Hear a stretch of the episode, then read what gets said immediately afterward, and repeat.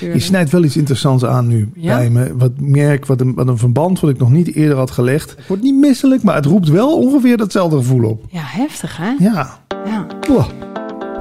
Wat leuk dat je weer luistert naar een nieuwe podcast van Inspire to Teach. Deze podcast is speciaal voor bevlogen leerkrachten, hardwerkende hulpverleners, gedreven coaches, nieuwsgierige ondernemers, mensen die geïnteresseerd zijn in mindsets, mindfulness, mentale veerkracht, life hacks, persoonlijke groei, leren, het onderwijs en al dat soort mooie onderwerpen. En eh, vandaag heb ik een hele speciale gast in de podcast die zelfs aan het einde een stukje therapie van mij krijgt. Welke leerkracht vergeet jij nooit meer en waarom? Ja, ik denk toch juffrouw Jansen uit, eh, ja, de, van de basisschool. Want wat ik me kan herinneren hadden we op de basisschool toch echt een aantal klassen achter elkaar dezelfde lerares. Hè? Dat, ik, Ja. Was dat vroeger niet zo? Ja, dat weet ik niet. hè. Ja. Ja, het ligt eraan. in Want ieder geval- scholen hebben dat vaak wel. In ieder geval, toen was het nog de zesde klas, wat nu groep 8 is of zo. Ja, ja die kan ik me herinneren. Die was gewoon heel lief en, en heel zorgzaam en eh, heel complimenteus ook. Nu was dat niet zo moeilijk, want ik was meestal de beste van de klas. En dan, eh, ja, dat wist zij dan toch nog extra te stimuleren of zo. Hm, Was je een braaf jongetje? Wat is braaf? Ja, dat je het heel netjes volgens de regeltjes Nou, dat doet. denk ik niet. Hè? Ik weet dat we nog een keer breien hadden. Hadden we toen ook op de lagere school breien. Dat ik wel eens iemand met een breinaald geprikt heb. Een meisje volgens mij bij de borsten of zo. Dus dat, dat is een van de dingen die mij te binnen schiet. Ja, nee, niet heel braaf. Nee, Nee, dat klinkt niet echt Nee. braaf, maar daar had je misschien wel reden voor. kan. Ja. Verliefd, zo. ah, weet ik niet. ja, een beetje aandacht vragen. hè. Zeg, eh, dus een beetje dat gezien worden, dat eh, ja, ook een beetje die complimentjes krijgen, daar deed je het wel lekker op. Ja, dat aandacht, hè, dat is toch een, een rode draad in, eh, in mijn leven. Heb ik in een spiritueel boek wel eens gelezen dat aandacht en liefde synoniem zijn. Dat is eigenlijk een soort roep om liefde. Ik denk dat het een basisbehoefte is, Ja. inderdaad. Hè? En de een heeft er meer, meer eh, behoefte aan dan de ander. Hé, hey, maar eh, wie ben jij? Ja, wie ben Wat ik? kom je hier doen? God, wisten we dat maar eens, hè? Ja? Nou ja, nou, op dit moment ben ik zeker natuurlijk gewoon jouw gesprekspartner. Hè, dus het even helemaal terugbrengen. heel mooi. En dan zouden we kunnen zeggen man van 47, eh, vader van een dochter van 13, ehm, inwoner van Vinkenveen, vriend van, eh, broer van. Maar ja, ik ben wel, ik, ik heb wel een beetje geleerd al die labeltjes een beetje zo te zien voor wat het maar zijn. Want ik ben op dit moment natuurlijk niet broer van, want mijn broer is hier niet. Nee. Ik ben echt gewoon nu jouw gesprekspartner. Tenminste, dat probeer ik op de eerste plaats te zijn. En ik probeer voor de rest niet iets op te houden in de zin van... ja, maar ik ben toch die bekende disjockey van vroeger. Ja, maar dat ben ik nu ook niet. Nee. Dus eh, ja, is, misschien kan, kun je dat uitleggen als valse bescheidenheid. Maar ja, kijk, ik heb wel altijd gezorgd dat mijn naam... dat daar wel van alles aankleefde of zo, weet je wel. Ja, het is wel echt wel een heel erg kikke naam, hoor. Ja, valt wel op, hè? Ja, ik vind het Ja. echt een fantastische naam. En je hebt ook Kick It Productions. Zo heet mijn bedrijfje, ja. Ja. Zijn nou bedrijfje? Ja, Oh, oké. eenmanszaak. Ja, Ja, het, is, dit, het heeft niet veel voet om aarde. Wat doe je daar eh, dan mee? Ik schrijf columns over radio. Ik doe ook soms wel eens dit soort interviews in opdracht. Dus dan met journalisten of met eh, ja, eh, iemand van een bedrijf of zo. Ja, wat doe ik daar nog meer mee eigenlijk? Af en toe eens een, een reclamespotje inspreken. Oh, doe je dat ook? Ja. Ja. Dat ik natuurlijk dat, ja, dat kan ik blijkbaar, denk ik. Ja, ik, ik, ben, ik heb wel in de jaren geleerd om wat bescheidener te worden of zo. Want kijk, dat ego, als je in de media werkt, dat wordt natuurlijk boef. Hè, dat blaast Ja. zich helemaal op. Moet ook wel, want je moet je tussen andere ego's staande houden. ja. Maar ik van nature ben ik eigenlijk best wel een. Ik hoorde jou dat in een podcast zeggen dat jij best wel introvert bent en hebt geleerd extravert te zijn. Ja. Ik denk dat het bij mij ook het geval was. Ik bedoel, vroeger hing ik altijd aan de rok van mijn moeder. En als er een verjaardag bij ons thuis was, dan moest, dan moest je echt van goede huizen komen om mij van mijn kamer te krijgen. En ook op die verjaardag te krijgen. Want ik vond het maar druk en het stonk naar de rook. Want toen werd er nog gewoon binnen gerookt Oh, ja. natuurlijk. En, en, en iedereen ha, ha, ha en hard aan het praten. En mensen gingen aan je zitten. En dat wilde ik allemaal niet. Nee, nee. Nou, welkom in deze podcast. Ja, dankjewel. eh, Patrick Kikken, jawel. Ja, toen ik zei van ja, ik ga naar Patrick Kikken. En ik eh, zei iemand tegen mij, Patrick Kikken, dat is toch die arrogante DJ die altijd ruzie heeft met iedereen. En toen dacht ik, oh god, oh god, oh Dan god. kom ik nu terecht. Oh, ja. Maar ik vond het een hele mooie podcast die we hiervoor hebben opgenomen samen. Ja, Ja. Nu kom ik in jouw podcast. Hoe heet jouw podcast? Leven zonder stress. En hoe gaat dat zonder stress leven? Eh, dat, dat schijnt vrij makkelijk te zijn. Het lukt me ook niet altijd. Want als jij dat nu zegt zo tegen mij, Ja. dan, dan, dan denk ik natuurlijk wel... Ja, ik weet wel waar het vandaan komt. Kijk, die columns die ik schrijf, daar, da- daarin eh, neem ik wel, eh, daar ga ik wel van jetje. En ik kan me voorstellen dat je me alleen maar kent van die columns. Dan denk je, wat is dat voor een arrogant lul? Maar ja, ik doe dat ook wel met een, met een reden. Ten eerste, ik schrijf graag. En ten tweede, het, het, eh, in dat, er mag wel een soort tegengeluid zijn. Kijk, de arrogantie vindt met name plaats in Hilversum.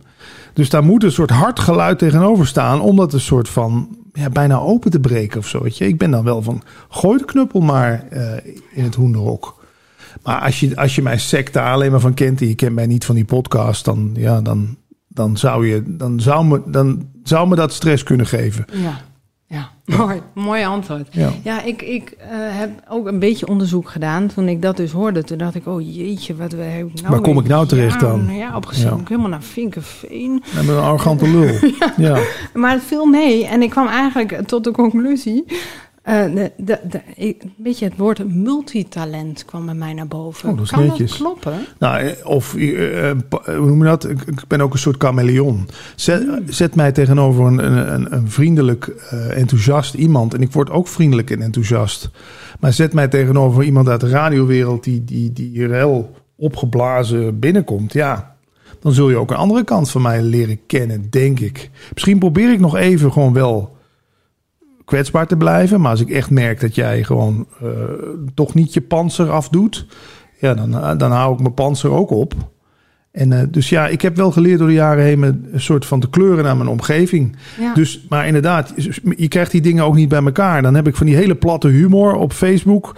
En dan diepzinnige gesprekken op, op podcastgebied. En dan eh botte columns, weet je wel? Ja, Maar volgens mij hebben we allemaal die kanten in ons. Alleen sommigen kiezen dan voor één kant. Oeh, en dan mag ik alleen maar die kant laten zien. Ja, dat lijkt me, dat vind ik saai. ja. Mag ik ze niet alle drie verkennen en, en uitvergroten? ja, heel interessant. En ja, er komen allemaal vragen naar boven. Maar ik ga even op het laatste woordje saai. Ben je snel verveeld? Ja, dat wel. Ja. Ik heb ook, denk ik, die laatste keer was geen burn-out, maar een bore-out. Hmm. Eh, Paul Smit, je kent hem ook, dat is een goede vriend van me. Daar doe ik ook al twaalf jaar een podcast mee. Die zei ik van, ja, jij was gewoon kapot verveeld door dat werk wat je daar zat te doen. ja. Altijd maar Brian Adams, Summer of 69, altijd maar U2. En dat zijn fantastische nummers, maar niet als je ze iedere dag moet verkopen alsof het goud op aarde is. Ja, ja. Ja. En die constante herhaling, dezelfde gesprekken, dezelfde muziek, Ja. en daar ga je niet zo lekker op, hè? Nee, ja, nee, verveling het komt gelukkig niet voor in mijn woordenboek, maar ah, het is wel bijna alsof er een soort angst voor. Misschien ook wel omdat ik me op school, eh, ik zit hier toch tegenover een juf, ik heb me op school kapot verveeld. Ja. Ja. En wat heeft dat dan uiteindelijk gedaan? Dus, dat je dus daar tegen dat gevoel niet meer kunt? Of ik wat heeft dat nog er meer bijna een opgeleverd? soort angst bijna voor verveling. Dat verveling, dat dat ook iets uit mijn jeugd is. Bijvoorbeeld de zondag vroeger. Ken je dat nog? Dat gevoel van vroeger zondag. Ja, De winkels, heerlijk. Ja, nee, bij mij de winkels waren dicht. Je wist dat je de dag daarna weer naar school moest, dus je moest s'avonds vroeg naar bed. De hele tijd dat, dat vervloekte studio sport wat dan s'avonds aanstond bij mijn vader. Komt tot schot. Je kan me dat nog zo herinneren, dat gevoel wat de zondag en met name de zondagavond bij mij opriep. Ja, nou, eh, als je het zo omschrijft, zou ik het ook Ja, vreselijk ja. wij werden dus, eh, uitgelaten. Hè, eh, op, de, op de Veluwe mochten Oh, we dan op lekker op de zondag, ja? Ginkelse heide. Oh. En dan gingen we krekels vangen. Want mijn ouders hadden een terrarium met hagedisjes. En die moesten nog het eten hebben. Nou, zo werden wij gewoon een beetje bezig gehouden. En liefde voor de natuur. En dan, ja, da- daarin, en lekker. Ja, we werden echt letterlijk uitgelaten samen met de hond. Hupke, energie eruit. Dus, eh, dus ja, dat is maar net eh, wat je beleeft Je natuurlijk. snijdt wel iets interessants aan nu Ja? bij me. Wat merk, wat een, wat een verband wat ik nog niet eerder had gelegd. Kijk, de reden dat ik ook zo afgeef op die radiowereld, omdat ik eigenlijk op een gegeven moment tegen mij gezegd heb van tegen mezelf, ik wil never to never nooit meer daarvoor teruggevraagd worden, want ik heb dat, ik heb dat al drie, vier jaar met tegenzin zitten te doen. Dus ik zie nu pas eigenlijk het verband tussen dat, dat, dat, dat, dat, dat, dat door die saaiheid en door die, dat, door die verveling. Dat dat bij mij inderdaad echt een reden is om, om echt om me heen te slaan. Ga weg met je. Want, bij het woord school krijg ik ook al zo'n. Ja. Die, weet je, als zo'n eh, bijna mid. Nou, ik word niet misselijk, maar het roept wel ongeveer datzelfde gevoel op. Ja, heftig hè? Ja. Ja. Boah. En, eh, en, dus, en hoe doe je dat dan met mensen die verveling bij je oproepen of zo? Is dat, heb je, kom je dat ook Ja, dat is een tegen? goeie. We, kun je een voorbeeld noemen? Wat, Nou ja, ik kan me ook voorstellen. Maar je hebt allemaal podcasts. In mijn ogen ben je echt zo'n podcast-keizer, weet je. Je hebt zoveel gesprekken met mensen. Maar daarin gaat het ook vaker over het leven. En maar dan heb je toch ook wel ja, eens maar mensen, mensen zijn waarvan je denkt, interessant. Ja, ja. Vooral de kleurrijke types die in podcastland rondlopen. Ik vind dat echt een bepaald type mens. Die gewoon al bergen overwonnen heeft. En ehm, op een gegeven moment gewoon denkt, nou fuck it, ik ga het gewoon op mijn manier doen. Ik start gewoon een podcast.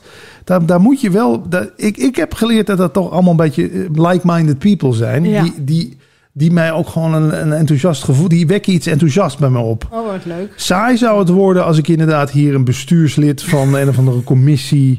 iemand die nog helemaal gelooft in zijn rol of zo. Oh ja, ja, ja. Want jij zit hier nu ook niet als juf. Weet Nee. je wel? Als jij nou helemaal zo binnen als juf... en ik ga je wel eens even vertellen... Ja, ik Hoe ga dat- jou even beoordelen. Ja, hoe dat gaat in, in, in radio of in eh, schoolland en in podcastland. En dan mag jij vertellen hoe dat in radioland gaat. En nee, dat zou ik dan saai vinden. Dit vind ik niet saai. Wat, wat vind jij in een gesprek die jij hebt gehad waarvan je denkt, nou, dat, dat vond ik zo verrassend of, of inspirerend? Mhm. Of, nee? Nou, dat is met een man. eh, volgens mij is hij al inmiddels 78. Aad Breed heet de beste man. En hij heeft een boek geschreven, Tralies van de Taal. Hoe we eigenlijk met z'n allen gevangen zitten in taal. Ja, is interessant hè? Hmm, vertel meer. Ja, hoe- ja, hij kan het natuurlijk het allerbeste Ja. vertellen. Maar wat, ik me, wat er van bij is gebleven is dat we natuurlijk gewoon... Taal schept al afstand eigenlijk. Ik bedoel, ik verlang soms ook wel eens terug naar een tijd dat er nog niet gesproken werd. Ik heb het zelf niet meegemaakt. Misschien als babytje. Maar dat je gewoon echt elkaar alleen maar aanvoelt zo. Hè? Ja, Terwijl, ja, als je al begint met jij zit daar, ik zit hier. Dat schept al afstand. Terwijl tijdens zo'n gesprek vind ik juist fijn als het dit wordt. Het, het, het komt samen. ja. En met, met taal, ja, kijk maar, ga maar na. Waar gaat alles over in de wereld? Discussies. Natuurlijk, met taal kunnen we ook kennis overbrengen. Ik zie ook wel de mooie kanten van taal. Maar op Twitter en zo, en social Oh, media. Ja. Ja, ik zit zelf niet op Twitter. Mijn god, eh, eh, Hou het zo. Te veel gedoe. maar het is wel wa- wat ik vaker tegen leerlingen zeg en tegen cliënten van mij. Als jij gezeik thuis wil, moet je zoveel mogelijk de woorden altijd en nooit en iedereen en niemand gebruiken. En jij luistert Ja. nooit naar mij. Ja, En dan krijg je dat, dat, de discussie over dat er niet wordt, nooit wordt geluisterd. Want Ja. dat is gewoon niet waar. Maar eigenlijk bedoel je wat anders. Op dit moment voel ik me niet gehoord of zo. Maar ja, dat is veel te ingewikkeld voordat we dat herkennen. Dat we die behoefte hebben. En dat dan ook nog kunnen uitspreken. absoluut. Dus ja, dat is wel taal. is wel een mooie. Zou eh, die beste man, eh, hoe heet die nou? Aardbreed. Aanbreed. Zou die ehm, eh, met mij in gesprek Ik denk gaan? het wel. Nou, dat lijkt me wel een hele leuke. Ja, is een heel interessante man. Hmm. En ja, daarom benader ik ook vaak andere podcasters. Ik, ik merk toch mensen die een podcast beginnen. Ja, Aardbreed doet dat dan zelf niet. Maar, of mensen die een boek schrijven. Mensen die zich überhaupt uiten op een bepaalde manier. Ja, daar zit vaak een verhaal in. Ja. En ja, ik kijk ook zo'n 500 documentaires per jaar. Ik, ben, ik denk dat ik gewoon super geïnteresseerd ben in mensen. Maar, en dan ben ik ook eens benieuwd hoe jij dat als, als, als ja, toch expert op dat gebied. Hè? Want je hebt tien jaar eh, jeugdtherapeut geweest. Je werkt met, met kinderen die anders zijn. Soms denk ik ook wel, zou ik niet toch een bepaalde vorm van autisme hebben? En heb ik in de loop der jaren niet gewoon, kijk ik daarom zoveel documentaires, interview ik daarom al meer dan 500 mensen, dat ik het gewoon afkijk. Ik, leer, ik kijk het af van andere mensen. Het kan, het kan, maar het kan, kan ook gewoon weg.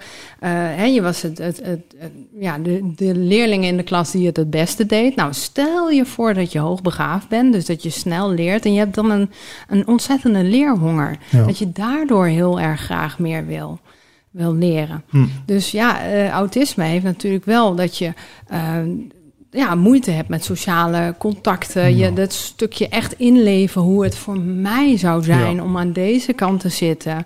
Eh, oh, oh, Excuses. Knippen we we eruit. hebben even laten staan, hè? Ja. En ehm, eh, dus, nee, dit gingen we er niet uit. Nee, we houden het echt. Ja, we houden het helemaal, eh, Ja. helemaal zo. Ehm, dus, dus dat stukje inlevingsvermogen, kun jij je voorstellen hoe het is voor mij om, om een leerkracht te zijn en uh, ja, ook misschien een beetje een eigenwijze leerkracht te zijn die het een beetje anders wil in de onderwijswereld en daarin soms wel eens kritiek over zich heen krijgt, bla bla bla. Hoe dat, kun jij dat? Kun je je dan inleven? Uh, ja, inleven, dat is een goed thema. Ah. Oh, nou, is soms, nou ja, kijk, met die columns komen we toch weer. Ik, wat, wat het gekke is, voor mij, als ik over iemand schrijf, is dat voor mij heel abstract. Als ik zou opschrijven, uh, Mariska Bosch, dan zie ik, dan heb ik niet meteen, ja, daar zit een mens van vlees en bloed achter. Dan is dat gewoon voor mij Mariska Bosch. In, in, en dat zijn gewoon letters op een scherm. Dat is gewoon een, bijna hetzelfde als ik zeg papierbak. weet je wel? Om iets te duiden. En eh, dat, ik kan me voorstellen dat mensen soms wel eens denken: Goh, maar die columns van jou zijn zo. Er zit een mens achter hè, waar jij over schrijft. Dat realiseer ik me vaak niet zo goed. Oeh, ja, ja, ja. Ja, en, dat is wel een goed. Ja, ik denk dat, dat, wel, dat daar wel iets zit. Want ja, want ik zou, dat zeggen mensen ook.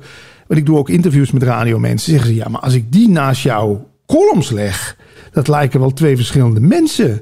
Weet je wel, hier zou je wel zeggen van nou, die, die vent die kan niks goed doen en hij stinkt naar rotte vis. En als hij tegenover je zit, ben je zo meegaand en liefdevol en geïnteresseerd. En snap je een beetje wat ja, ik bedoel? Ja, ja, ja. Ik vind het heel interessant. En, maar natuurlijk die afstand en dat jij zo in je hoofd zit en gericht bent op jouw verhaal wat je Ja. te brengen hebt. Dat maakt natuurlijk ook, je mag wel eens een beetje stilstaan bij hey, hoe voelt dat voor die ander. Ja. En misschien moet jij daar net iets meer moeite voor doen. Ja, waar Ja. dat vandaan komt. Ja, vind je- zou je dat willen uitzoeken?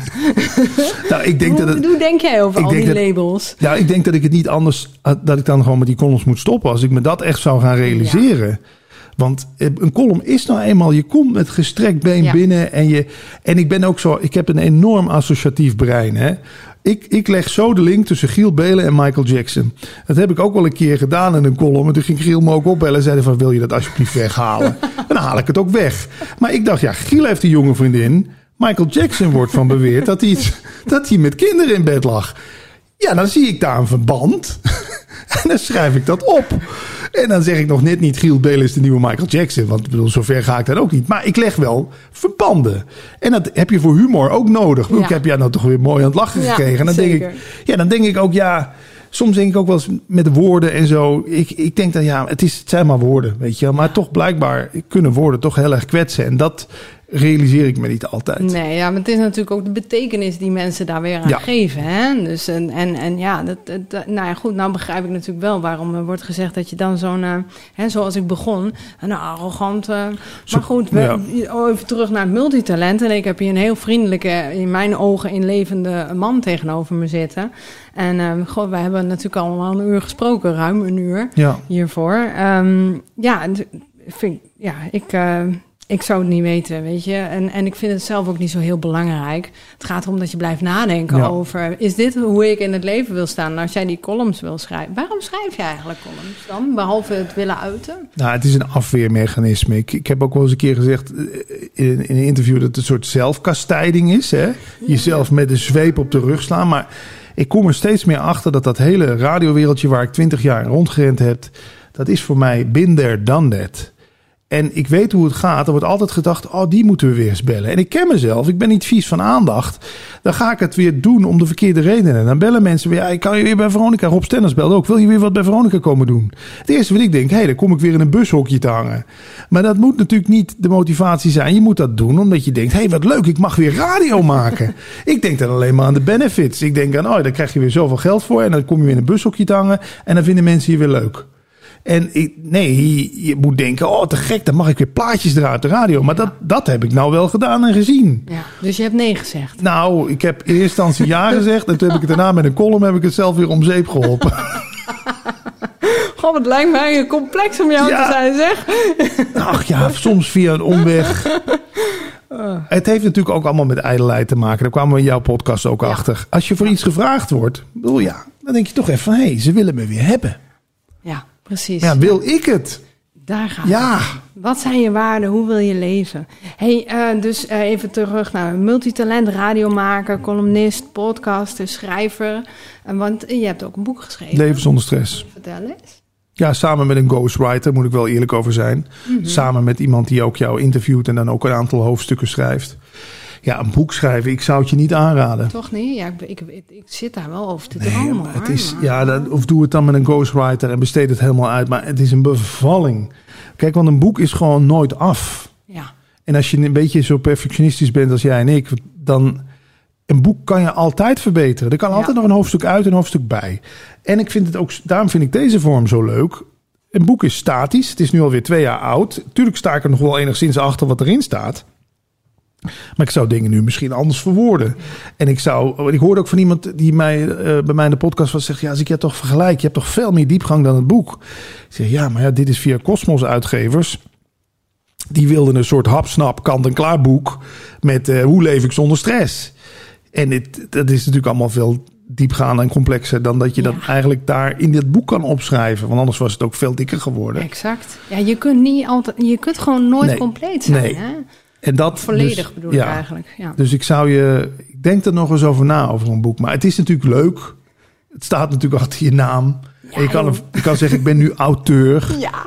Maar ik vind, ja, een goed gesprek voeren heeft toch ook zo zijn waarde hoor. Ja, ja ik, ik, dit is ook wel een dingetje. Hè, van, oh, die kennis die ik heb, die wil ik dan vastleggen. En hoe mooi is dat als het een werkboek Ja. is. En, en dan kun je dan weggeven aan mensen. Ja, Ja, ja. ik, het heeft wel wat. En ik werd ermee wakker op een... Gewoon, dat ken je vast. Dat je, je hebt lekker geslapen en je wordt in één keer zo wakker met zo'n... Ja, dit Ja. is het. Een briljant Ja, idee. en denk, moet. oh, ik ben Ja. echt gaan schrijven. Nou ja, en dan wilde ik dat vasthouden. En dan laat ik het weer los. En dan denk ik, nou ja, komt wel weer. Dat heb ik al wel vaker. Maar dat herken jij? Eh, dat ik ideeën heb? Mhm. Nou, oh, in overvloed. ik zet even mijn telefoon op, eh, op vliegtuigmodus. Yes. Ehm, ja, het probleem is een beetje... wat zijn de goede ideeën en wat zijn de slechte ideeën? Ik bedoel, ik... Ja, ik ja, dan snij je ook wel wat aan. Ja, ik heb Ja, natuurlijk ja, honderden ideeën op een dag. Ik heb wel geleerd ze een beetje te kanaliseren. Ik schrijf ze dan wel op en dan kijken, daar kijken we nog wel eens naar of zo. Maar de, ik merk wel de dingen die een beetje moeiteloos en spontaan gaan, dat dat wel de dingen zijn die je eigenlijk het beste kunt volgen. Bedoel, als, jou, als jij nu heel erg merkt van, oh, dat dient zich weer die aan voor het interview en het dient zich weer daar een onderwerp aan voor een podcast en het dient zich eigenlijk nooit tijd aan of ruimte of, of, of echt concrete hoofdstukken voor een boek, ja, dan is het de tijd er gewoon nog niet rijp voor. En onze gezamenlijke kennis Paul Smit zegt ook altijd, gas groeit niet harder door eraan te trekken. ja. Dus ja, soms moet het gewoon eerst opkomen. En ik, ja, ik kan inderdaad nu ook bijvoorbeeld al zeggen, ik zal nooit een boek maken. Maar misschien ineens poppen allerlei kleine puzzelstukjes voor een nieuw boek. En je weet hoe dat gaat. En ineens ontstaat er iets. En dan, dan, ja, dan volg ik dat meestal ook wel.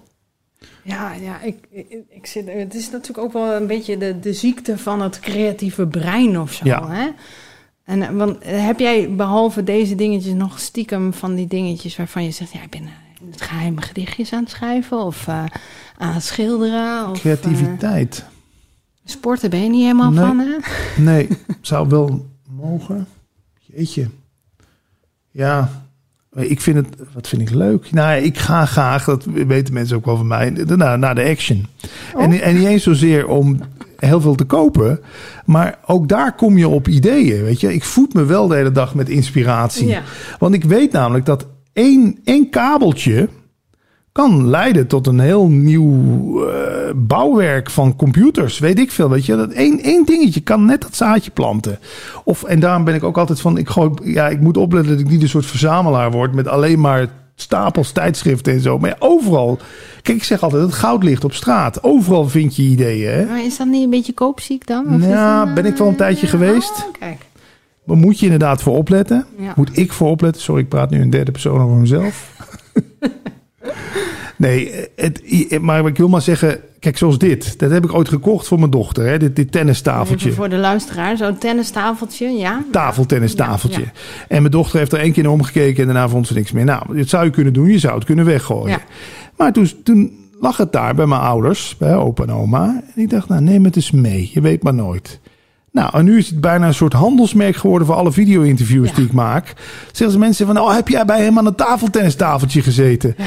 Want het idee van het balletje naar elkaar overspelen, pingpongen. Ja. Ja, ik weet niet. Daarom kijk ik soms ook. Ik loop soms ook gewoon een, een, een speelgoedwinkel in. Omdat je daar ook gewoon soms dingen ziet. Je denkt, hmm, Oh, wat grappig. ja, Oh, dat vind ik wel een hele leuke. ideeën. Ja. Even terug naar een idee van dan schrijven en dat soort dingen, maar dan een podcast interview. Je, je noemde het woord moeiteloos. Ja. En is dat iets wat, wat, wat je hebt geleerd of op een gegeven moment hebt ontdekt van, je mag wat maakt het mezelf soms moeilijk, maar kan het gewoon niet wat makkelijker of zo? Ik heb dat in mijn disjockey carrière wel geleerd. De, eh, het moment dat het niet meer vanzelf ging, was eigenlijk het moment dat het, dat het ophield voor mij. Dat, kijk, natuurlijk moet je, moet je moeite doen voor dingen. Een radioprogramma bereid je ook voor. En als, ik draaide ook heel veel in feesttenten en zo. Dan moet je ook zorgen dat je de juiste muziek hebt. En dat je op de hoogte bent van de hits. Maar de avond zelf leek als het ware als ik overgenomen werd door iets en het kwam. Lekker in die flow, ja, in die flow. status. Ja. Als sporter ken je dat ook. Je komt in een flow terecht en het gaat als vanzelf. Bij de radio was dat jarenlang ook zo. Ik bereidde wel wat voor, maar als ik daar ging staan of zitten, dan kwam het. Maar op een gegeven moment kwam het niet meer. En moest ik moeite gaan. Ik moest het gaan forceren. Ja, en dat heb ik wel geleerd. Dat, dat de dingen die, die geforceerd gedaan worden. Een geforceerd gesprek, een geforceerde vrijpartij, een geforceerde etentje, geforceerd kook, noem maar op. Het, Nee, het mag op een bepaalde manier gewoon vanzelf gaan. Ja, mooi hoor. Ik denk dat wel heel veel mensen en ook wel de mensen die bij mij komen, ook wel inderdaad te veel dingen doordouwen. Omdat ze denken dat het zo moet. Of dan, je hebt op een gegeven moment een keuze ergens voor gemaakt. Dus dan moet het maar. Ja, en je kunt natuurlijk niet zomaar denken van nou ja, die kinderen die stop ik maar even in hockey. Want daar heb ik geen zin in. Als het moeite kost natuurlijk. Hoe doe jij dat met je dochter? Is, vind je dat moeilijk, de rol van vader? Mm, ja, ik heb die rol, dat heb ik al eerder verteld, eigenlijk een soort van al een paar jaar na haar geboorte is eigenlijk de stiefvader in beeld gekomen. En die, die is eigenlijk, moet ik heel eerlijk zijn, haar uh, opvoedvader. Ja. En dat heeft met name ermee te maken dat ik zelf nogal een, een, een, turbulente jeugd gehad heb. Met een vader die graag dronk. Heb ik ook eerder over gesproken in, in mijn eigen podcast Leven zonder stress. Ik durfde het gewoon niet aan om een kind op te voeden. En ik ben nu zo blij. Ze is nu 13. Ze is gewoon supergoed opgevoed. Maar niet door mij. Nee. En dan kan je denken, weet je wel, dat had ik moeten zijn. Nee, want ik kon dat niet. Op het moment dat zij ook geboren werd, stond ik op de toppen van mijn carrière uh, bij de radio. En, en ik was zelf zat ik nog met allerlei shit. En ik ben blij dat ze niet door mij is opgevoed. En dat, ja, dat zullen mensen misschien raar vinden. Maar ik, ik ben nu pas, denk ik, nu pas kan ik het een beetje. Ja, ja, ja. En waarom is dat? Ja, dat ik nu een beetje de rust heb. Ja. Ook niet bij het minst of geringste me aangevallen voel.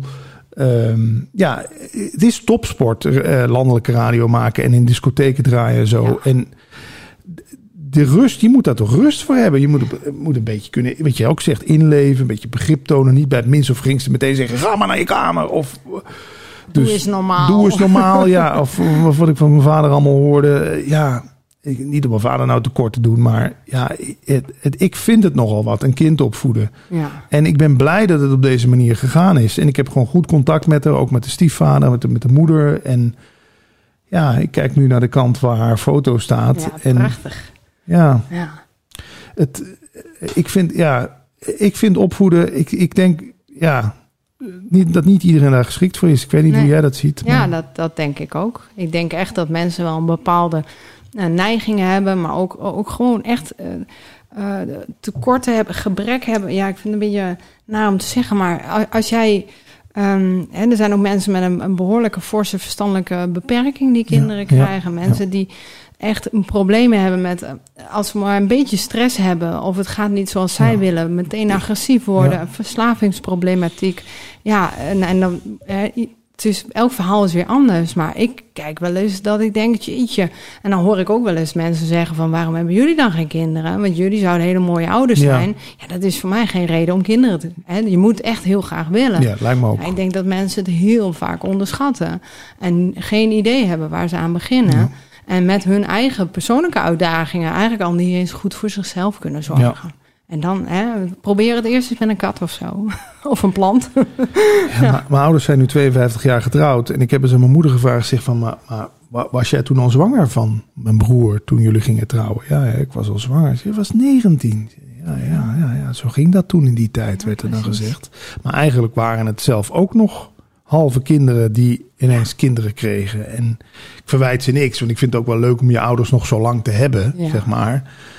Maar het, het is ja, daar kun je natuurlijk een enorm uh, podcast mee vullen over uh, wel of geen kinderen. Maar nou ja, ik ben blij in ieder geval dat ik op deze manier toch nog langs de zijlijn van kan genieten. Ze heeft natuurlijk een beetje dezelfde karaktereigenschap als ik. Ook filosofisch ingesteld, ook heel Oh, ja, leergierig. maar ehm, dat opvoeden, ja, ik weet niet of ik daar zo goed in was en ben. En, eh, ja, dus de- voor mannen is het dan vaak, zeggen ze, hè, de vader als, als grote voorbeeld. Hè, dat, dat, dat, dat is jouw, eh, ja. die laat zien hoe het als man moet Ja. zijn. Maar als jij eh, zou mogen kiezen, wie, wie is jou dan, jouw grote voor, voorbeeld? Eckhart Tolle. Van de kracht van nu. Ja, ik ben toch ben, ik ben mijn rolmodellen toch omdat mijn vader eh, eh, dat maar mondjesmaat heeft kunnen leveren, zullen we maar even zeggen, omdat hij zelf zijn eigen issues had. Ben ik toch, ik denk ook dat dat een de zoektocht van mij gestort, he- gestart heeft.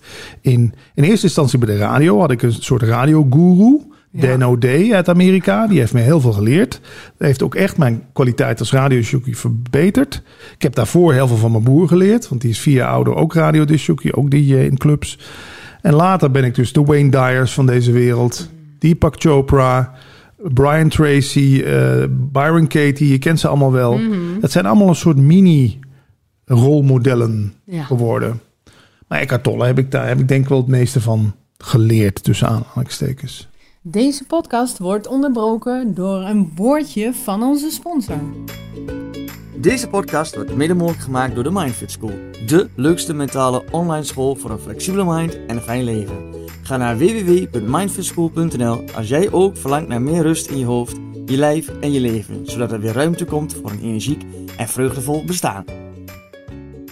En, hoe kan het dan dat, als ik dan, ja, hè, Patrick Kikker heb ik hier voor me, maar je hebt eh, Giel Belen, die is eh, ook bezig met zijn Hm? persoonlijke ontwikkeling. Je hebt uh, Michael Pilatschik. Ja.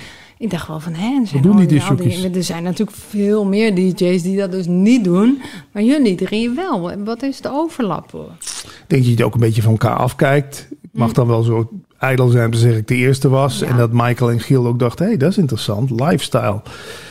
Maar je komt natuurlijk niet voor niks bij de radio terecht. Je moet een beetje gek zijn, wil je in een stukje metaal praten... met in je achterhoofd dat er 150, 200.000 mensen naar je luisteren die je niet ziet.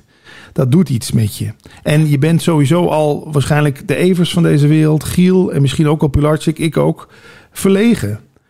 En dit is de manier om gewoon toch mensen te bereiken zonder dat het heel spannend wordt meteen. Want er zit iets tussen, hè? Ja.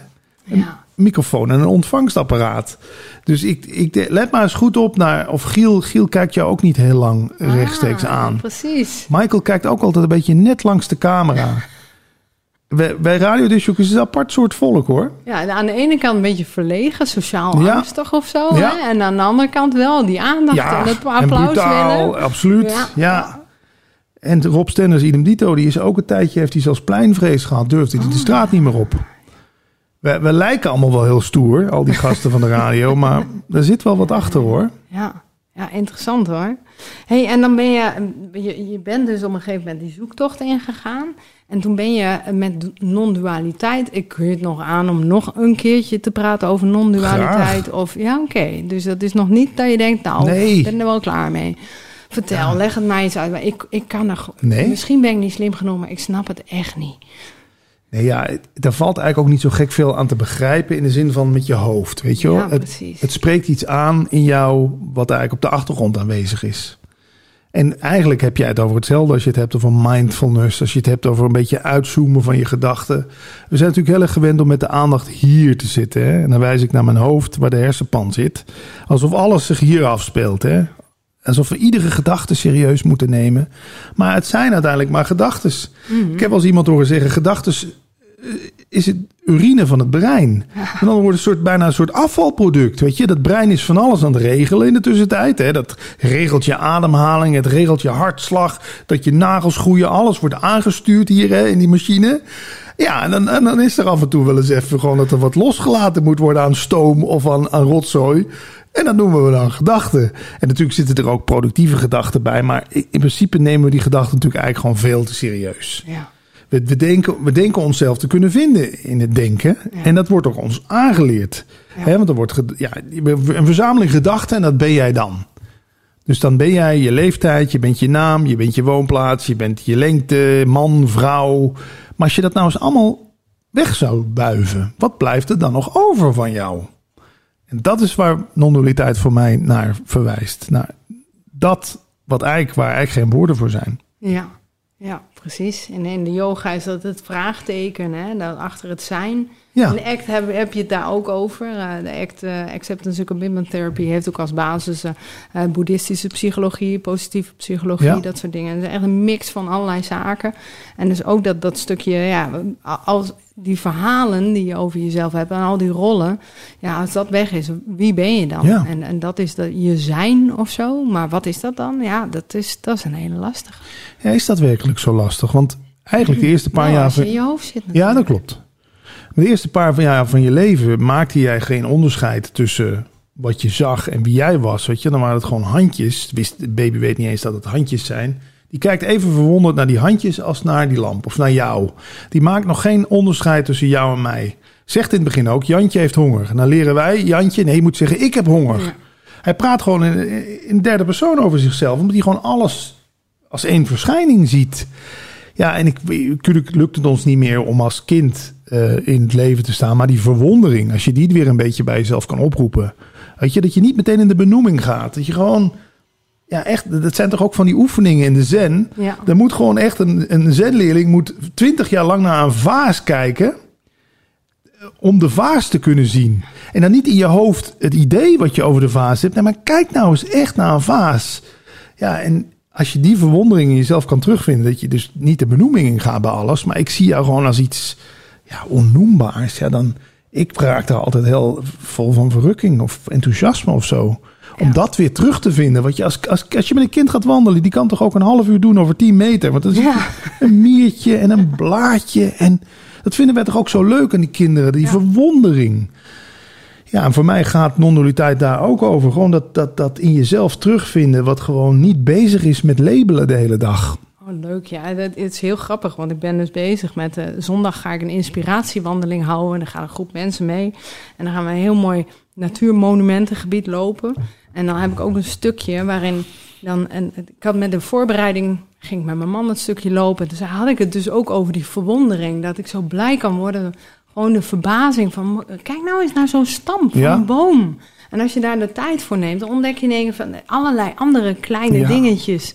En daar dan weer de lol van Ja. inzien. Hè? En daar dan weer mee bezig zijn. In plaats van hoppakee, als een, Ja, een sneltreingang, eh, maar gewoon die wandeling maken.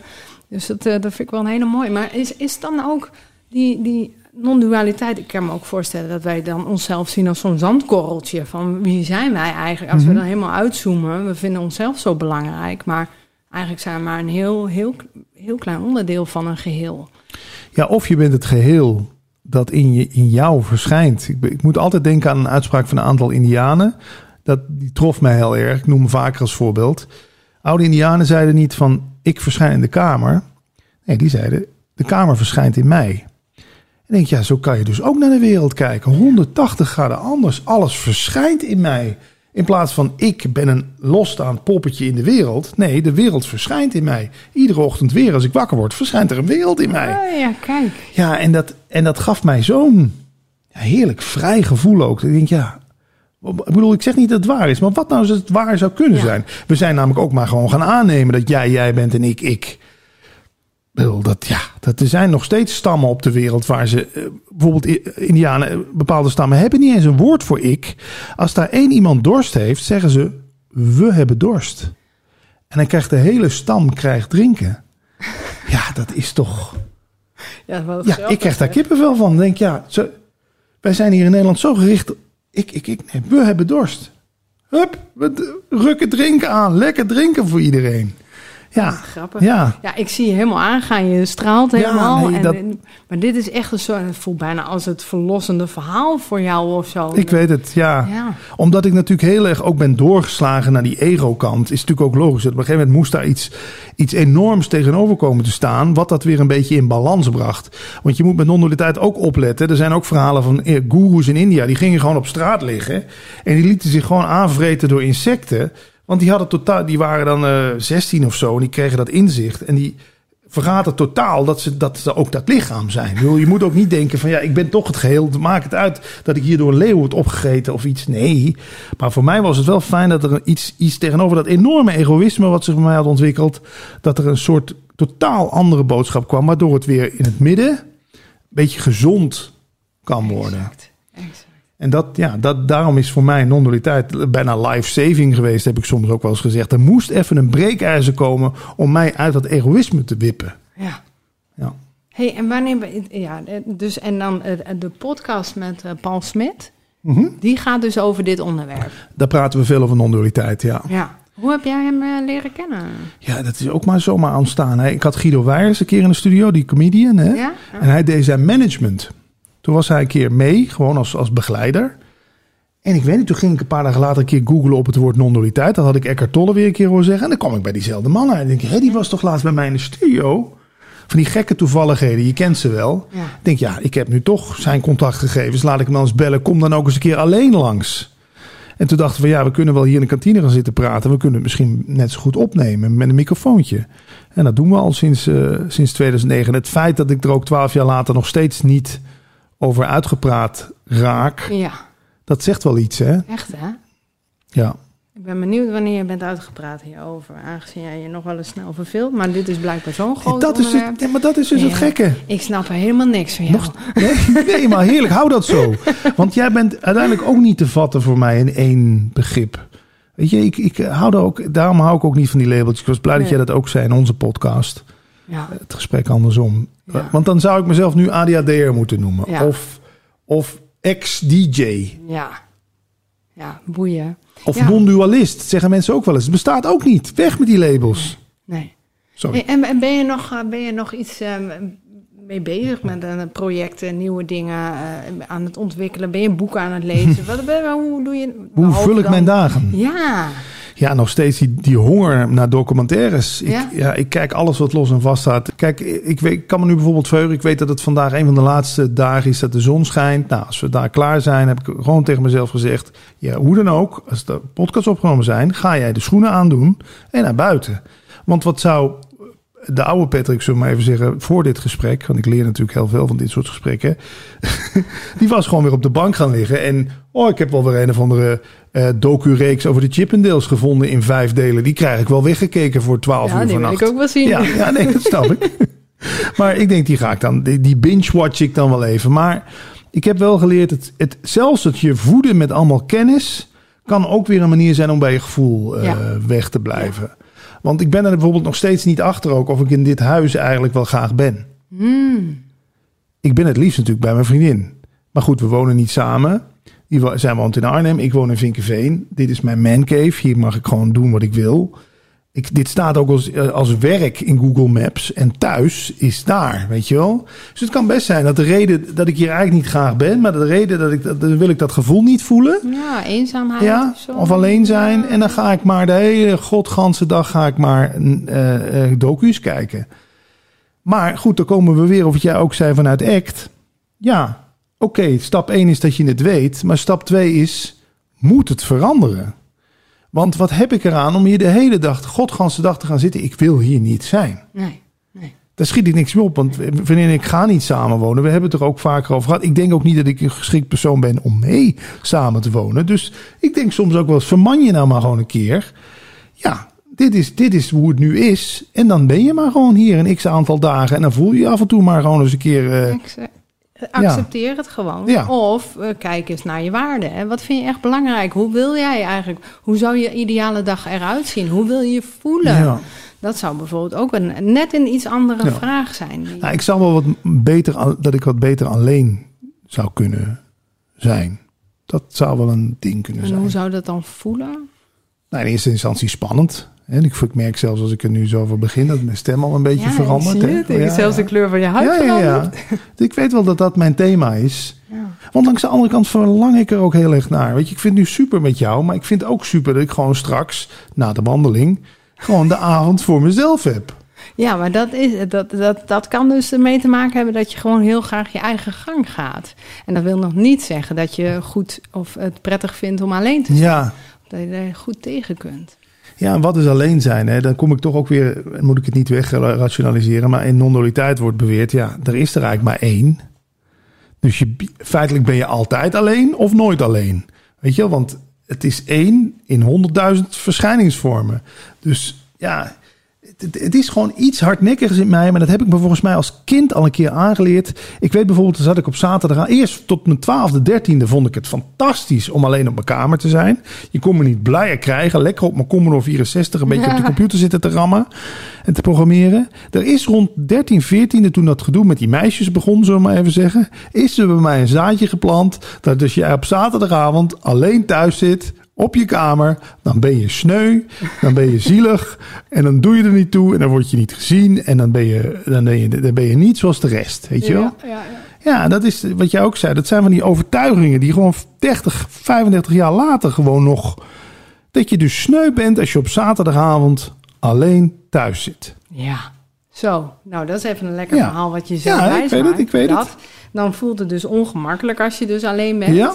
En, kun je, en, en daar gaan we dan bij weg en dan ga je docus kijken en dat soort zaken. Ja, of met mensen afspreken die je helemaal niet, die je helemaal Ja, niet oh, wil zien. Weet je, dan spreek je maar weer af met die, met, die, met die gozer waarvan je weet, ja, die komt al bellend binnen. En die gaat al pratend weg. En die vraagt één keer voor de vorm, hoe is het met jou? En voor de rest loop je alleen met te rennen met koffie en chips. Wel, om, om maar niet dat gevoel te hoeven voelen dat je je zo alleen voelt op zaterdagavond. Oh ja, dat is, dat is pas zielig eigenlijk. Ja, ik weet het. Maar goed, het doorhebben is stap 1. Er niet meer naar handelen, act. Ja, niet meer, niet meer, ja dat is... Kijk, het Is, wordt... er, is, er een, is er een tussenstapje? Tussen dan eh, dat je dan alleen, maar nu pak je documentaires kijken. Is Ja. er wat anders, waardoor je toch alleen bent, maar niet, niet je laat afleiden door het beeldscherm. Ja, goeie, ik ga eens graag in bad. Ik heb geen bad, dus dat is wel één nadeel. dat moet dan weer bij mijn vriendin thuis. Ja, dan ben je weer niet alleen. Ja, Ja. oké, bad. Ja. Ja, het alleen zijn, dat is bij mij wel een thema. Hoe krijg je dat dan? Ja, wandelen. Ah, Nou, wat ik soms wel eens doe, dan ga ik gewoon in mijn eentje een podcast opnemen. oké. Dat is ook leuk. Ja. Het zijn vaak hele, dan ontstaan ook wel creatieve dingen. Hè? Ja, ja, ja, dat klopt. Ja. ja. En, en eh, ben je wel, ga je wel eens de natuur in? Want ik reed hier naartoe. Ik denk, fantastisch. Ja, je hebt hier genoeg natuur. Ja, Ja, en saai toch ook wel een beetje. ook wel saai. Wanneer ben je voor het laatst geweest? Nou, straks. Oh ja, toch al? Helemaal alleen? Nee, straks ga Oh, ik na, na dit gesprek. Nee, ik, ben, ik, ik weet het. Kijk, maar dan is het. Je weet het allemaal wel. Je weet ook, eigenlijk weet een mens wat goed voor hem is. En Ja. mens weet ook wat, eh, wat slecht voor hem is. Mhm. Ik heb bijvoorbeeld de afgelopen week heel erg buikgriep gehad. En ik merk hoe fijn het is dat ik eigenlijk gewoon niet meer... Ik heb de afgelopen week eigenlijk bijna niet, niet, niet, echt niet veel gegeten. En al helemaal niet eh, vettige dingen. Maar ik kon het gewoon niet verdragen. En toen dacht ik, oh, wat, ik hoop eigenlijk stiekem dat dit zo blijft, weet je wel. Dat ik gewoon niet meer die urge heb, dat verlangen naar de volgende vette hap of de volgende zak chips. Dus ik ben eigenlijk bijna die buikgriep dankbaar dat het me geleerd heeft hoe fijn het is om ook gewoon eh, eens een halve dag op een banaan en een peer eh, eh, te leven. Dus ik, ik ben wel zo van dat ik denk, ja, op een gegeven moment moet het ook tot een soort kookpunt komen. Ja, Ik ben namelijk vlak, het makkelijkste. ja, vlak voordat ik griep kreeg, heb ik drie keer friet gegeten op een dag. Drie keer op één dag. Oh, ja, want het moest op. Dat is nog zo'n gek dingetje wat ik heb. Dan moet het op. Ik denk, ja, het ligt er, het moet op. Dan ga ik Ja, die friet... Ik snap dat autistische stukje, Ja, dat snap, ik wel. wel, hè? ja. Ik, dat moet op. Piep, piep, piep, opgepiept. En dan dacht ik ook, ik heb dat wel eens in een boek gelezen. Je moet eigenlijk ook iemand die, die van het roken af wil komen, moet eigenlijk vier sigaretten tegelijk roken. Zodat hij er zo'n godsgruwelijke hekel aan krijgt. Bij het idee aan een sigaret al misselijk wordt. Dat heb ik nu een beetje met friet. Ja. Je moet me nu echt niet zeggen, wil je straks friet? Nou, ik ren gillend weg. Ik denk toch dat het komt omdat ik anderhalve week geleden drie keer friet gegeten heb. Omdat dat Ja. dat lichaam ook zegt, ja, maar nu? Ja, exact. Ja, En dat is dus waar we het in mijn podcast ook over hebben gehad. Hè? Die pijn die wordt. Ja. Je creëert voor jezelf pijn. Ja. Totdat je denkt, ja, nu niet Ja, meer. nu Nou niet ben ik er Ja. klaar mee. En dus je zit zo in be- bepaalde... Wij zitten allemaal in zulke bepaalde patronen. Het is gewoon echt, echt heel vaak een Ja. gewoonte. Wil je uit die gewoonte? Je moet er pijn krijgen. Je moet er last van hebben. Genoeg last. Of echt ernaar verlangen. Verlangen naar... Weet ik veel, eh Giel Bela had toen een sixpack of zo, een of ander gedoetje Ja. daarmee. Nou, als je daar dan genoeg naar verlangt, ja, Ja. dan word je wel zo'n gekkie die in de sportschool eh, Ja. flink eh, doorgaat. Dus wat moet ik doen? Ik denk gewoon dat ik je keer- moet natuurlijk niks, Nee, oké. hè? Wat Moet wil ik geen- doen? Ja, goed zo. Excuus. Ik wil, denk ik, ik weet het nog niet zeker, maar gewoon eens een huisje boeken. Een week lang. In een, in een, in een, in een natuurgebied of zo. En dan ook eh, off-season, dat het niet stervensdruk is daar. Dan gaan we daar gewoon maar eens een week zitten. Weet je wel? Oh, echt waar? Ja. Ik, zei, ik had het net over kleine stapjes, maar daar ben jij niet van, hè? Nee, ik ben wel van de resolute. Ik ben zwart-wit, dat ben ik inderdaad. Om- omdat ik mezelf ken. Als ik, het nu, als ik het nu een weekendje zou doen, dan ken ik mezelf. Dan ga ik daar op vrijdagavond naartoe. En op, za- op, za- op zondag, zaterdagochtend ben ik al aan het inpakken. En op zondag vlieg ik daar alweer weg, weet je wel. Ik geloof wel in jezelf ook wel een soort van... Ja, noem het dan met een chic woord uitdagen. Ja, Maar ook wel een soort van... eh, nou, ga er maar aan staan, weet je wel. exact. Ja. Dat, dat werkt bij mij, tenminste. Ja, dat, daar ken ik mezelf goed. Gewoon. Anders ga ik, dan krijg ik toch weer allemaal smoesjes. En dan ga ik weer. Eigenlijk zou er ook geen internet moeten zijn. Dat ik niet gewoon weer de hele tijd achter de computer kan duiken. Ja? ja, een computer gewoon hier laten. Ja, geen mobiele telefoon, Dat geen ontvangst. Een hele leuke. Dus, maar goed, ik ga die zin nog eens opnieuw doen. Ik wil, ik- en zonder ik denk, Ik wil alleen zijn. en oké, Een weekje. een weekje. En je denkt dat je dat gaat doen. Ja, ik. ik ja. Nou ja, het, het, het stap 1 zou eigenlijk al hier moeten zijn. Weet je wel? Want hier is toch de plek waar ik het gewoon moet leren. Ja. Alleen zijn. Ja. En ja. Maar dan bijvoorbeeld heb ik hele leuke nieuwe buren gekregen. Die ook zeggen: joh, als je een keer wil mee eten, laat maar weten hoor.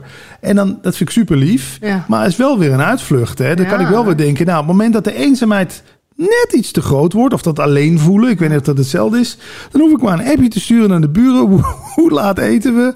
En dan is het ding dong, hallo. Hey, maar wat, wat zou het jou nou opleveren als je dat Ja, zou dat kunnen Weet leren? ik? Nou ja, dat, ik denk dat ik dan ook een, ik denk dat ik ook dan, want ze zeggen ook wel eens, mensen voelen dat. Hè? Stel dat ik jou nou alleen maar had uitgenodigd om mijn dag op te vullen, ik noem maar wat. Dat zou jij voelen, toch? Ja. Of ik zou vanavond iemand hebben uitgenodigd waar ik van denk, ja, ik heb eigenlijk helemaal geen zin in visite, maar dan ben ik tenminste niet alleen.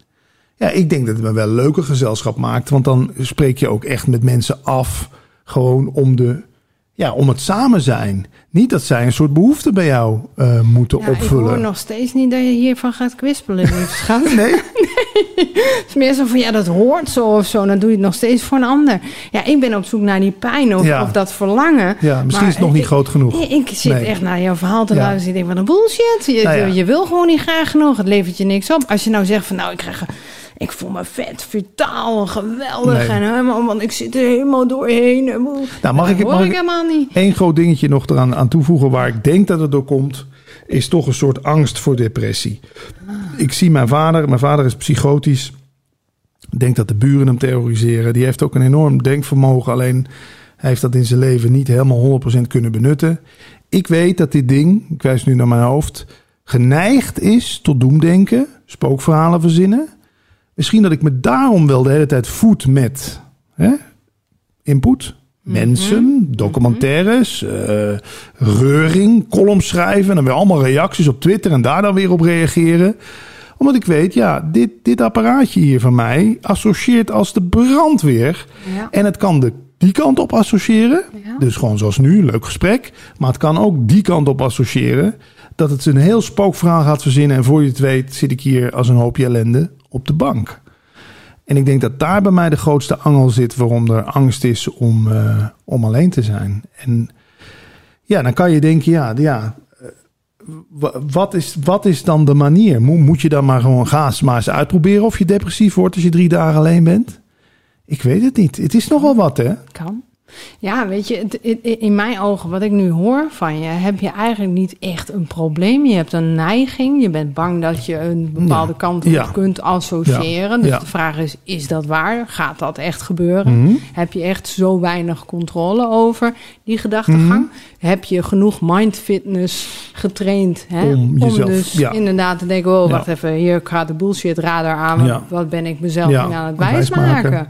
Dan, dan luister je nog misschien Ja. wel te veel naar je eigen gedachten. Ja. Urine.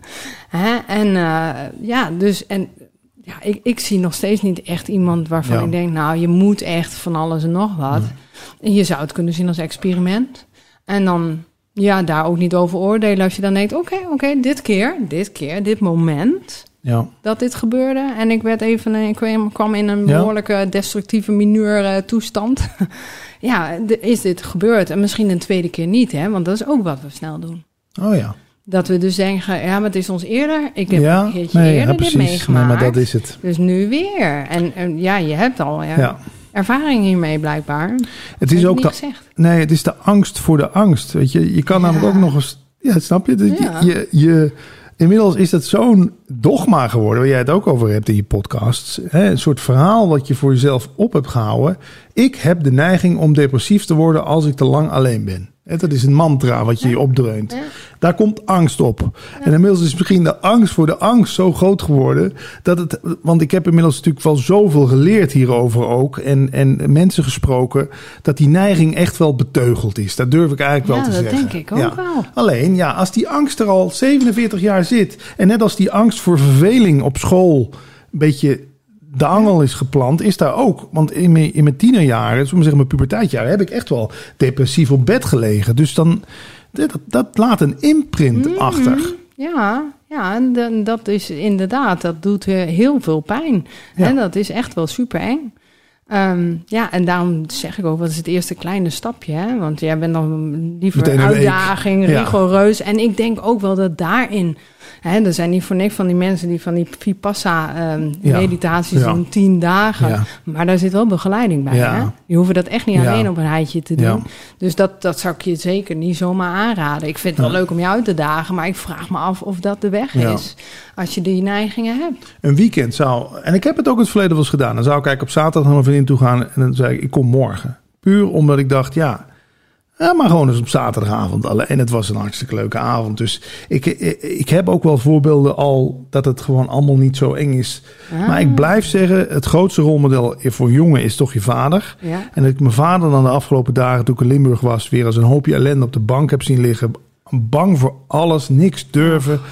Dan is het natuurlijk niet gek dat je bij jezelf denkt: Oh my god, weet je, dit is 25 jaar verder. Hè? Die man is 72. Wat als? Ja. Of wat als? Ik ben natuurlijk ook een product van hem. Ja. Ik merk ook dat het me dan geen goed doet om daar lang bij in de omgeving te zijn. Want ik, het, het activeert bij mij ook dingen dat ik angstiger word en dat ik denk: Weet je wat? Ik zeg dat die gesprekken met Mariska af. Want eh, nee, weet je wel. En als ik dan, dan weer een paar dagen weg ben, ja, dan neemt zeg maar de gezonde, het gezonde deel neemt het weer over. En dat betreft ben ik ook best wel selectief geworden met wie ik me omring. Maar ja, je vader en je moeder, ja, die kan je, vind ik, toch niet uit je leven bannen daardoor. Nee. Nee, en het is inderdaad wel, hè, hij heeft daarin geen hulp gehad misschien. Weinig. En jij hebt al die gesprekken Ja. gehad met die therapeuten en coaches. En je bent wel een product van, maar je bent hem niet. En je Nee. hebt zo'n ander leven Ja. gehad. Dus ja, ik zie wel die patronen. En hoe sterk dat is, hè, als je je ouders in pijn ziet. Dat, het gaat ook over jou, Ja, hè. De, die, navelstreng, ook als je vader, die zit daar nog steeds. En het is niet voor niks waar je mee omgaat, word je mee besmet. Ja. Je, je, je bent een hartstikke ontzettende chameleon, zei je net. Ja, dus het is ook precies. niet raar dat je... Ja, ik Ja. merk het echt. Als ik daar Ja. wegga, moet ik echt weer mezelf even re- resetten. En dan zeggen mensen ook, wat doe je jezelf aan? Hoeveel dagen ben je daar geweest? Ik zeg zes. Zes dagen bij je ouders. Weet je, Eckhart Tolle zegt het ook. If you think you're so enlightened, go spend the weekend with your father and mother. Dat is, ja, maar dan denk ik bij mezelf ook weer, en dan komen we weer op dat punt dat jij zegt, je bent wel misschien te streng voor jezelf. Ik vind dat ik dat moet kunnen. Ja. Zes dagen bij mijn ouders zijn. Met alle irritaties en stukken die omhoog komen en angsten en irritaties, alles. En dan voelt het bijna als ik daar wegga zo, weet je wel? Ik leef. Ik heb het, ja, ik heb, en ik heb het overleefd. Ja, ja. Ja, Dus- heel interessant. Ja, er zit hier wel wat hoor. Het is, het is inderdaad... eh, ja, zes dagen vind ik wel heel... is veel, in- ja, dat is wel veel. Ja, maar ik werd Ja. ziek, ik had buikgriep. Ja. Ja. ik kon slechts met Nee, buikgriep in de auto is- stappen. Het is, ook, het is ook helemaal niet erg. Je hebt het overleefd, zei je al. Je bent niet je vader. Je was even de, de chameleon. Ook nog op je slechtst met je buikziek. Ja, Dus ik vind het helemaal niet raar dat er Nee. dan dit gebeurt. Maar blijven we ook inderdaad even... Nou gaan we even een stukje therapie. ja, Hè, oplossingsgerichte eh, therapie is dan, dan ga je kijken naar ehm, wanneer lukte het wel. En dat, daar heb je al een, een beetje laten zien van er waren momenten waarop het wel lukte. ja, Waarop ik wel een positieve ervaring had met mijzelf alleen zijn zonder Ja. beeldscherm. ja. En eh, dus je kunt het. En wat, wat, wat, lukt, wat heb je toen gedaan? Wat anders was dan toen je depressief op de bank Ja. zat en in je uppie. En daar zitten wel sleutels. Ik kan me ook niet meer herinneren wanneer ik voor het laatst depressief ben geweest. Dat is een Ja. gekke. Nee, ik Mooi, weet het. Ja, dit is echt Ja. angst voor angsten. Ja, Dat is- Ja, ja fantastisch. Er is En, en weet je, alsof ik dat ook niet zou overleven of zo. Weet je, ik denk dan echt meteen, en dan zie ik toch mijn vader meteen met beeld, dat ik, dat ik net zo'n hoopje ellende word, wat alleen maar op bed wil liggen en, en niks meer durft. Weet je, er zijn er waarschijnlijk ook nog gradaties in. Ja, hoe, hoe depressief je je kunt voelen. Maar ik hoor het vaker van mensen die depressief zijn geweest, dat daarna de, toch de allergroot. Je zou kunnen denken, nou, je bent toch rock bottom geweest, je weet dat je het kan overleven. Nee, maar dat voelde zo Ja. nasty. Daar wil je gewoon niet naar terug. Dat. En dat heeft zoveel energie en, en werk ook vaak gekost om daar weer uit Ja. te krabbelen. Ja. Hè? En je weet hoe. En, ja. en weet je, jouw vader heeft dit natuurlijk heel lang, heel vaak geoefend. Die is er ontzettend goed in geworden. Hij is, ik noem hem wel eens chronisch depressief. Ik ken hem eigenlijk zijn hele leven al, al, al zo. Maar dan ben ik nog eens benieuwd. Kijk, zie jij verschil tussen burn-out en depressie? Of zie jij wel dat dat een soort raakvlakken Ja, het heeft zeker raakvlakken. Ja, ja. Ik, ben ook eh, overspannen geweest. En toen heette het nog geen burn-out. Eh, maar ik was niet depressief. Ik was gewoon helemaal opgebrand. Ik was heel huilerig. Maar ik had vooral heel veel lichamelijke Hmm. klachten. Dus je hebt een beetje je eigen stijl, zeg maar. Ja. Maar er zijn ook heel veel mensen die dus inderdaad de depressieve gevoelens ontwikkelen.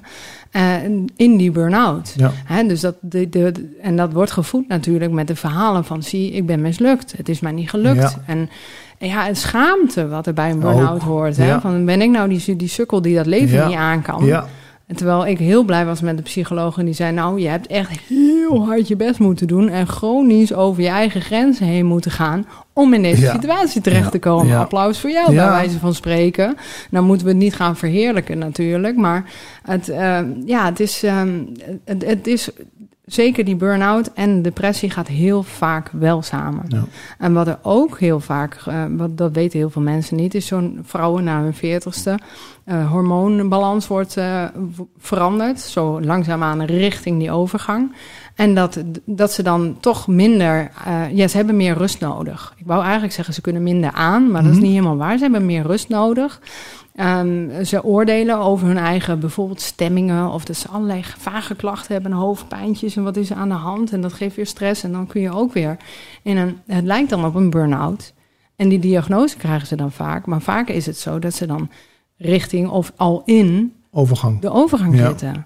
Dus eh, dat, dat, dat is het vervelende. En we hebben het ook over die labels gehad. Heel veel dingen lijken op elkaar. Ja. Dus van de symptomen, daar gaan we naar kijken. Maar wat ligt eronder? Ja, Is ook wel als je werkt met mensen, je hebt gesprekken met mensen. Soms zeggen mensen iets, maar ze bedoelen iets anders. ja Kinderen absoluut. laten iets zien, maar ze hebben eigenlijk een verhaal te vertellen. Ja. Ze willen iets laten, ze willen jou iets vertellen met hun, met hun gedrag. En dan zeg je iets interessants. Hè. Bij burn-out heb je toch nog bijna, tegenwoordig tenminste... Als, als je geen burn-out gehad hebt, hoor je niet bij de club. Nee. Het is bijna een soort uh, veterstrikdiploma. Ja, Eh, eh, Zwemdiploma A. ja, Terwijl als, je, als ik in die tijd had gezegd... Patrick zit thuis, hij is depressief. Ja, Ja, daar zit mijn stigma op. ja. Van koek, koek, weet je, bijna. Hè. Ik zeg het Mhm. zelf niet, maar bij burn-out... Oh, die heeft zich kapot gewerkt. Ja. Alsof het nog bijna een prestatie is die je Ja. geleverd. Wat je ook zegt. Dus ik denk dat bij mij toen ook een mix was... van eh, totaal niet meer kunnen genieten... Eh, overal inderdaad doemdenken, heel gauw geïrriteerd. Geen kort lontje, maar helemaal geen lontje meer hebben. Ja, maar ga, ga dat maar eens eerlijk zeggen ook. Mm, Nee, dan noemen we het maar burn-out. ja, precies. En, en hoe goed zorgde je toen voor jezelf? Hè? Ja, dan moet ik even goed terugdenken. Sliep je nog een beetje? Bewoog je? At je nog een beetje wat anders denk- dan patat? Ja, nee, ik denk dat het een combinatie... Nou, het was vooral weinig... Kijk, die ochtendshow, als je om vijf uur s ochtends radio moet maken, ja. En ik ben een avondmens. Nou, Ah. dat is, valt al niet te combineren. Dus ik sliep in twee delen. Ik sliep s'nachts een uurtje of drie, vier en overdag nog twee uurtjes.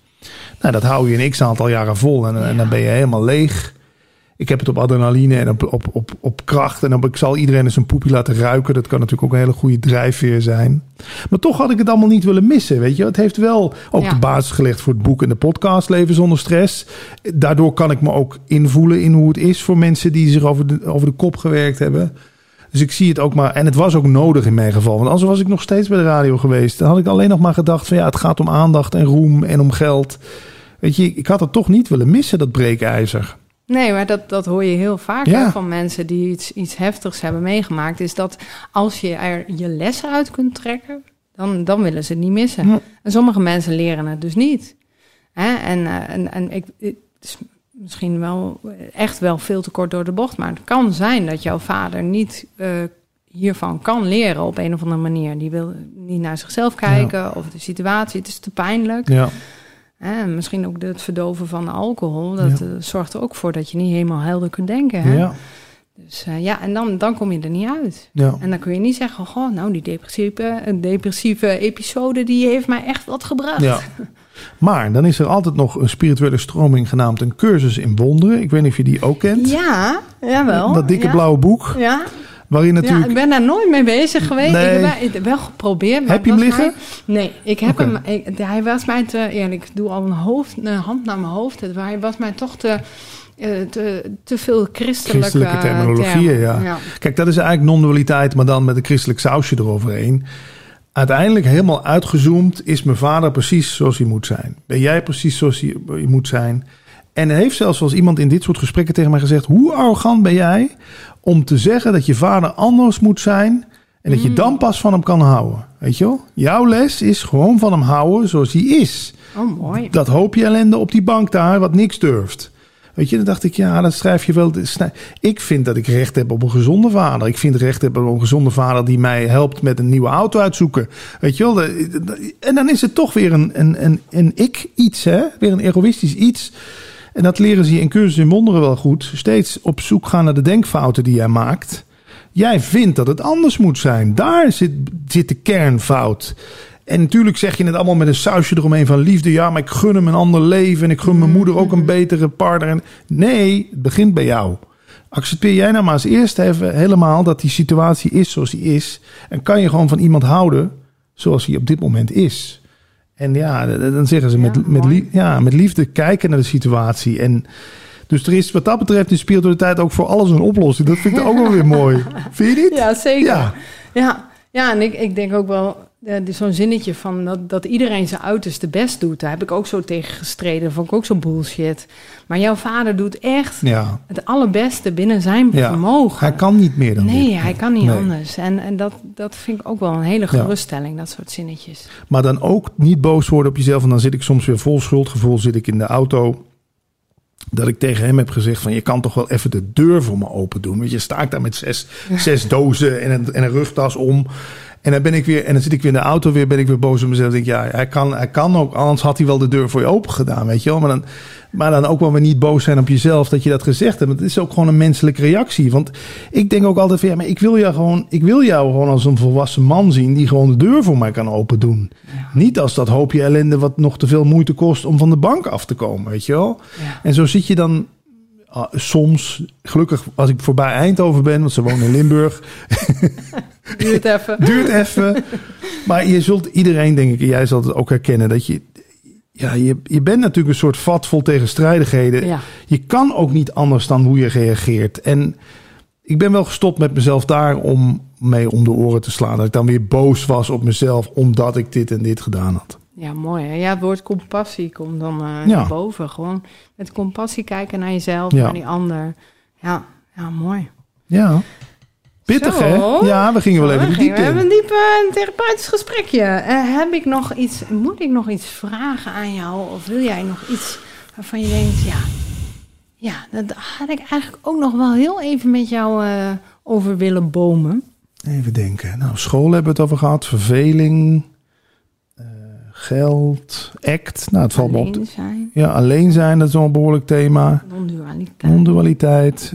eh, stress. Nou, misschien kan ik nog de, burn-out. ja, de film Alles over Niets op YouTube. Die is misschien wel leuk voor mensen om te kijken. Vertel. Ja, die duurt maar een uurtje. En die is eigenlijk ontstaan uit de podcast die ik al twaalf jaar met Paul Smit doe. Oh ja? Ja, er meldde zich ineens een cameraman. Er meldde zich een visagist. Alles over niets. Het is een grappige film. Die duurt een uurtje. is gewoon een comedy. Die heeft ook de bioscoop gedraaid. Is op En die kan ik ook als, als linkje Ja, in de show notes ja, zetten. ja. Dat ga ik doen, beste mensen. Als je een beetje op een luchtige manier met non-dualiteit kennis wil maken, is gewoon een comedyfilm van een uurtje. En dan zie, ja, die is ook op RTL 4 en RTL 8 te zien geweest. Weliswaar wel op zaterdagmiddag, maar toch, hij is te zien geweest. Je hebt gewoon een film gemaakt. Nou, ook nog. Ja. Maar ja, uiteindelijk vanuit non-dualiteit gezien is de film gewoon ontstaan. Want het kwam Oh ja, ineens bij tuurlijk. elkaar. Weet je, dan komen we weer bij dat moeiteloze. Als wij echt geforceerd hadden gedacht, we moeten en zullen een film maken. Nee, het ontstond gewoon. Ja, mooi. En de mooiste dingen ontstaan toch vaak gewoon. En ik denk dat dat de mooiste boodschap is die je misschien Ja. uit deze podcast kan, net zoals deze gesprekken gewoon ontstaan zijn. We hebben hier toch ook niet echt heel geforceerd Nee, zitten te wringen en te als ik trekken. luister naar jou, dan komen er vanzelf dingen. Ja. Maar als ik hier zo... Ik heb hele andere vragen nog hier. Dan, en Ja. dan zit ik elke keer van... Oh, oh, oh. En dan luister ik niet goed. En dan wordt het zo'n stroef gesprek. Maar het is mooi dat je dit volgt. Wat wil er verteld worden? En daarom vind ik deze ontmoetingen ook zo bijna verslavend. Omdat het gewoon zo... Ja, voor mij draait hier eigenlijk het leven om. Wat wil er zich tonen? ja. Wat wil er ontstaan? En Leuk hoor. die, die kruisbestuiving, het is ook letterlijk kruisbestuiving. Want twee mensen met, met, een, met een rugzakje vol ervaring en kennis komen bij elkaar. Die openen voor elkaar en er ontstaat iets. En ja, ik ben blij dat we dit hebben kunnen doen. Zo. Ja, ik, ik heb, elk gesprek leer ik weer wat. En ik heb ook heel vaak van die... Oh ja, dit is ook wel lekker zo'n thema waar ik dan weer mee verder ga. Dan rij ik terug. En eh, het is toevallig dat ik... ehm, als toeval bestaat dan, Mhm. hè, ehm, eh, dat thema van kan het niet een beetje makkelijker, Mariska? Ja. Want ik ben ook wel iemand die vanuit de discipline en weet je, Ja, forceren. gewoon- ja, dat, daar, daar ga ik wel lekker op. Ja. Maar dat mag het ook wat makkelijker. Nou, dat komt hier ook heel mooi Ja. naar boven. Dus dat neem ik mee in mijn terugrijritje. En misschien heb je nu ook de titel voor je boek. Ik zou het boek kopen, denk ik. Als ik daar een boek zou leren, mag het ook wat makkelijker. nou, hey, hey. pak hem even mee. ja, want dat is, ik denk dat iedereen zich dat afvraagt. In, op alle gebieden. Ja, ja heel mooi. Nou, dat vind ik een fantastische. Ehm, als mensen nou zeggen, oh, die Patrick Kikker, joh, doet hij nog steeds dingen? De podcast, eh, Leven zonder stress. Filosofie met mayonaise. Leven met ADHD. Eh, een cu- een cursus in wonderen. eh spreekbuispodcast. Ja, er zijn eigenlijk te- allerlei side dishes. Maar patrickkikker.nl, daar staat eigenlijk alles wel. kijk. En, ehm, en het boek Leven zonder stress. Het leukste zou ik vinden als je de podcast Leven zonder stress opzoekt... waar ik het Ja. gesprek met jou voerde. Dat is toch een beetje mijn kindje. Eigenlijk heb ik het boek gemaakt ter promotie van de podcast. Mm. Ik denk, nou, dan, dan snap je een soort van visitekaartje wat overal ligt. Ja, goed. Ik, eh, ik zorg dat hij in de show Oh, notes komt. Dus dan hoeven mensen niet te zoeken. Dan Ja. eh, klik het even en dan, eh, dan komen ze er wel. Ja, Superleuk. Dankjewel, Patrick. jij ook. Leuke ontmoetingen. Ja, hè? Ja. Zo. Heb een boektitel. Hey, te binnen. Mag het ook wat makkelijker? Wat grappig.